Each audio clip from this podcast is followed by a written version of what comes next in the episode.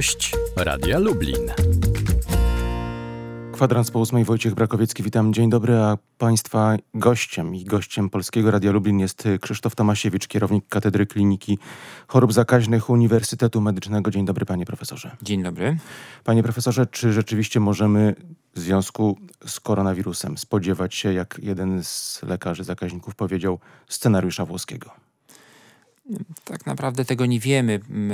Działania podjęte w naszym kraju służą temu, żeby tego scenariusza włoskiego nie było, żebyśmy nie powtarzali tych błędów. Oczywiście e, ja zawsze podkreślam, że tutaj same działania nie wystarczą. Tu naprawdę jest olbrzymia rola po stronie każdego obywatela. E, może brzmi to trochę górnolotnie, ale tak naprawdę nasz los jest w naszych rękach, dlatego że jeżeli będziemy się zachowywali odpowiedzialnie, to jest szansa na to, żeby ten scenariusz włoski się nie powtórzył. Jeżeli, jeżeli natomiast y, osoby nieodpowiedzialne będą lekceważyły pewne zasady, które obowiązują w tej chwili, to jest to niewykluczone. Panie profesorze, jest tak, że w tej chwili mamy około 50 mm, osób zdeklarowanych, zakażonych, stwierdzonych koronawirusem.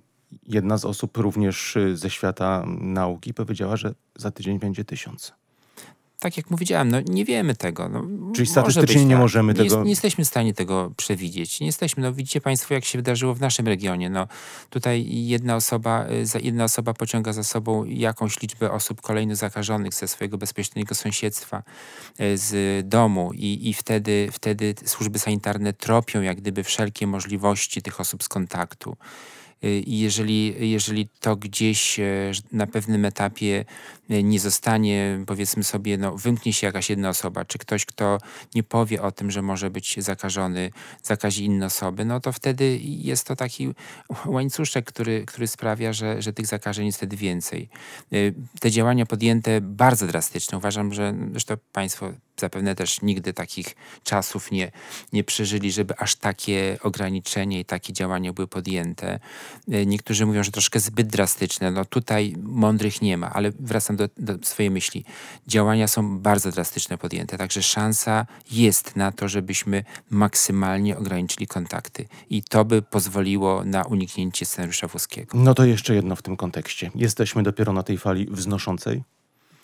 Chyba tak, y, chyba tak to wygląda. Natomiast czy my jesteśmy w stanie tą, tą falę wznoszącą przerwać? Powiem szczerze, nie, nie podejmuję się odpowiedzieć na to pytanie. Nie wiem. Panie profesorze, mówił pan o tych drastycznych środkach. Cały czas mamy przed oczyma obrazy, które oglądamy z doniesień przede wszystkim z Włoch, ale, ale, i, nie, ale i z Chin. Osób naprawdę bardzo, bardzo ciężko chorych i od razu wizualizujemy sobie, jak to będzie wyglądało wobec nas w naszym najbliższym otoczeniu. Proszę Państwa, trzeba wyraźnie podkreślić, tutaj nie można snuć wizji katastroficznych. Naprawdę, nawet jeżeli ulegniemy zakażeniu, to nie jest to równoznaczne ze zgonem cały czas podkreślamy, że większość osób będzie chorowało, będzie zakażonych i może w ogóle nie chorować, albo będzie chorowało w sposób łagodny. Mówi się o tym, że no, śmiertelność jest oceniana na kilka procent, y, w zależności od kraju, bo tutaj też te dane się zmieniają. Osoby wymagające intensywnej pomocy medycznej, y, mówi się o tym, że no, to jest znowu około 5, 7 do 10% osób wymagających w ogóle pomocy szpitalnej. My musimy y, jak gdyby przenieść ciężar opieki na opiekę domową. Jeżeli nawet zostaną wykryte zakażenia, to te zakażenia powinny być monitorowane albo w wydzielonych miejscach, albo w domu.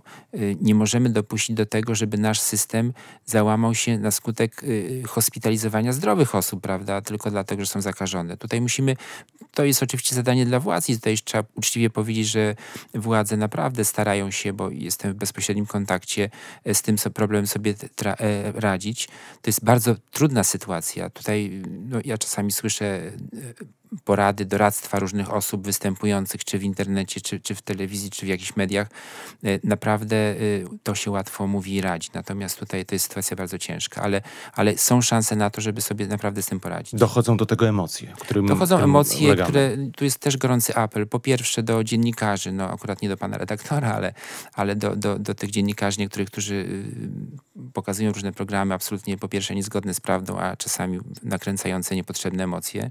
E, musimy musimy, to, musimy wyciszyć. Tutaj powinna być rzetelna informacja. Absolutnie rzetelna, fachowa informacja, nie nakręcanie, żadne fake newsy, prawda? Nasz pacjent, y, który w tej chwili został przeniesiony ze szpitala w Bełżycach, o czym wszyscy już wiedzą, y, ja przynajmniej słyszałem o jego śmierci już chyba kilkunastokrotnie, prawda? Y, w dalszym ciągu żyje, mamy szansę na, na to, że się będzie poprawiał. Zresztą poprawił się, bo dzięki temu był możliwy transport, a już wszyscy podawali jako pewni, że zmarł. Także to są rzeczy kompletnie niepotrzebne. Nie wiem, mam wrażenie, że komuś zależy na tym, żeby te emocje rozbudzać, takie niezdrowe emocje. Ale te emocje, panie profesorze, cały czas widać. Y, kolejki przed aptekami, kolejki w sklepach, wykupione, wykupione towary i ten lęk, obawa y, że możemy zostać zakażeni. Czy wychodzić z domu się zastanawiamy, czy nie? Czy wizyta w sklepie to już jest potencjalne zagrożenie dla naszego zdrowia? Proszę Państwa, ja myślę, że śmierć głodowa w tym kraju raczej nikomu nie grozi. Także robienie zapasów i, i później wyrzucanie tego wszystkiego za parę dni czy tygodni jest kompletnie bez sensu. Poza tym, czemu ma służyć y, zamknięcie szkół, Y, zakładów pracy, prawda, i, i, i, praca zdalna, jeżeli wszyscy się spotkają w jednym czy drugim hipermarkecie albo w kolejce do apteki. Naprawdę apeluję o rozsądek. Pamiętajcie Państwo, że w chwili obecnej wszelka aktywność, w tym również zakupy, czy, czy w aptece, czy czy w supermarkecie, powinna być ograniczona do, do minimum kupujmy to, co jest nam potrzebne, nie, nie stójmy w kilometrowych kolejkach, bo to jest najlepsza okazja do tego, żeby się dzielić e, swoimi y, wirusami. My się boimy osób y, zakażonych już, natomiast nie wiemy, znaczy nie mówię o sobie, tylko mówię o, o, o, o, tych opiniach, prawda? Natomiast nie wiemy, kto stoi przed nami w kolejce, nie wiemy, kto stoi obok nas w sklepie, prawda? Także tutaj ograniczmy tę aktywność do minimum. Czy taki kontakt, y, no nie bezpośredni, bo albo inaczej, wedle jakiego scenariusza dochodzi do zakażenia. Przypomnijmy to, panie profesorze, bo to są też te obawy, które wynikają z tego, że nie do końca chyba wszystko wiemy i rozumiemy. Y, do zakażenia dochodzi na drodze kropelkowej. Y, podczas no, normalnej rozmowy mówi się o tym, że te kropelki mogą y, gdzieś tam lecieć na odległość no, około metra, prawda? A więc jeżeli rozmawiamy z kimś w większej odległości, to nie ma takiego, takiej możliwości. Nie ma zakażeń wentylacyjnych, a więc na zasadzie czy systemy jakieś klimatyzacyjne, czy, czy wentylacja, tutaj w ten sposób do zakażenia nie dochodzi. Oczywiście również do zakażenia może dojść poprzez styczność z powierzchniami, na których znajduje się wirus, a więc stąd ten apele o mycie rąk, no bo, no bo to w ten sposób właśnie przebiega. Albo albo jesteśmy blisko kogoś, kto jest zakażony i w ten sposób się zakażamy, albo dotykając powierzchni, na której ten wirus może być, bo tam znalazły się wydzieliny, y, głównie ślina osoby, osoby zakażonej, my dotykając rękami, później wkładając te ręce do ust, czy nie przestrzegając higieny, jesteśmy w stanie się w ten sposób zakazić. To są podstawowe sposoby zakażenia koronawirusem. Panie profesorze, i na koniec pytanie, czy Lublin i Lubelszczyzna, województwo, jesteśmy przygotowani na nie daj Boże, mm, wybuch epidemii koronawirusa. E, proszę Państwa, są plany y, również takie czarne na, na, na, czarny scenariusz tej, tej epidemii. E, to wszystko wymaga olbrzymiego przemodelowania całego systemu. E, to nie jest do zrobienia w ciągu godziny. Stąd też to, co Państwo słyszeliście o tworzeniu jednoimiennych szpitali zakaźnych. Taki szpital będzie również utworzony w województwie lubelskim.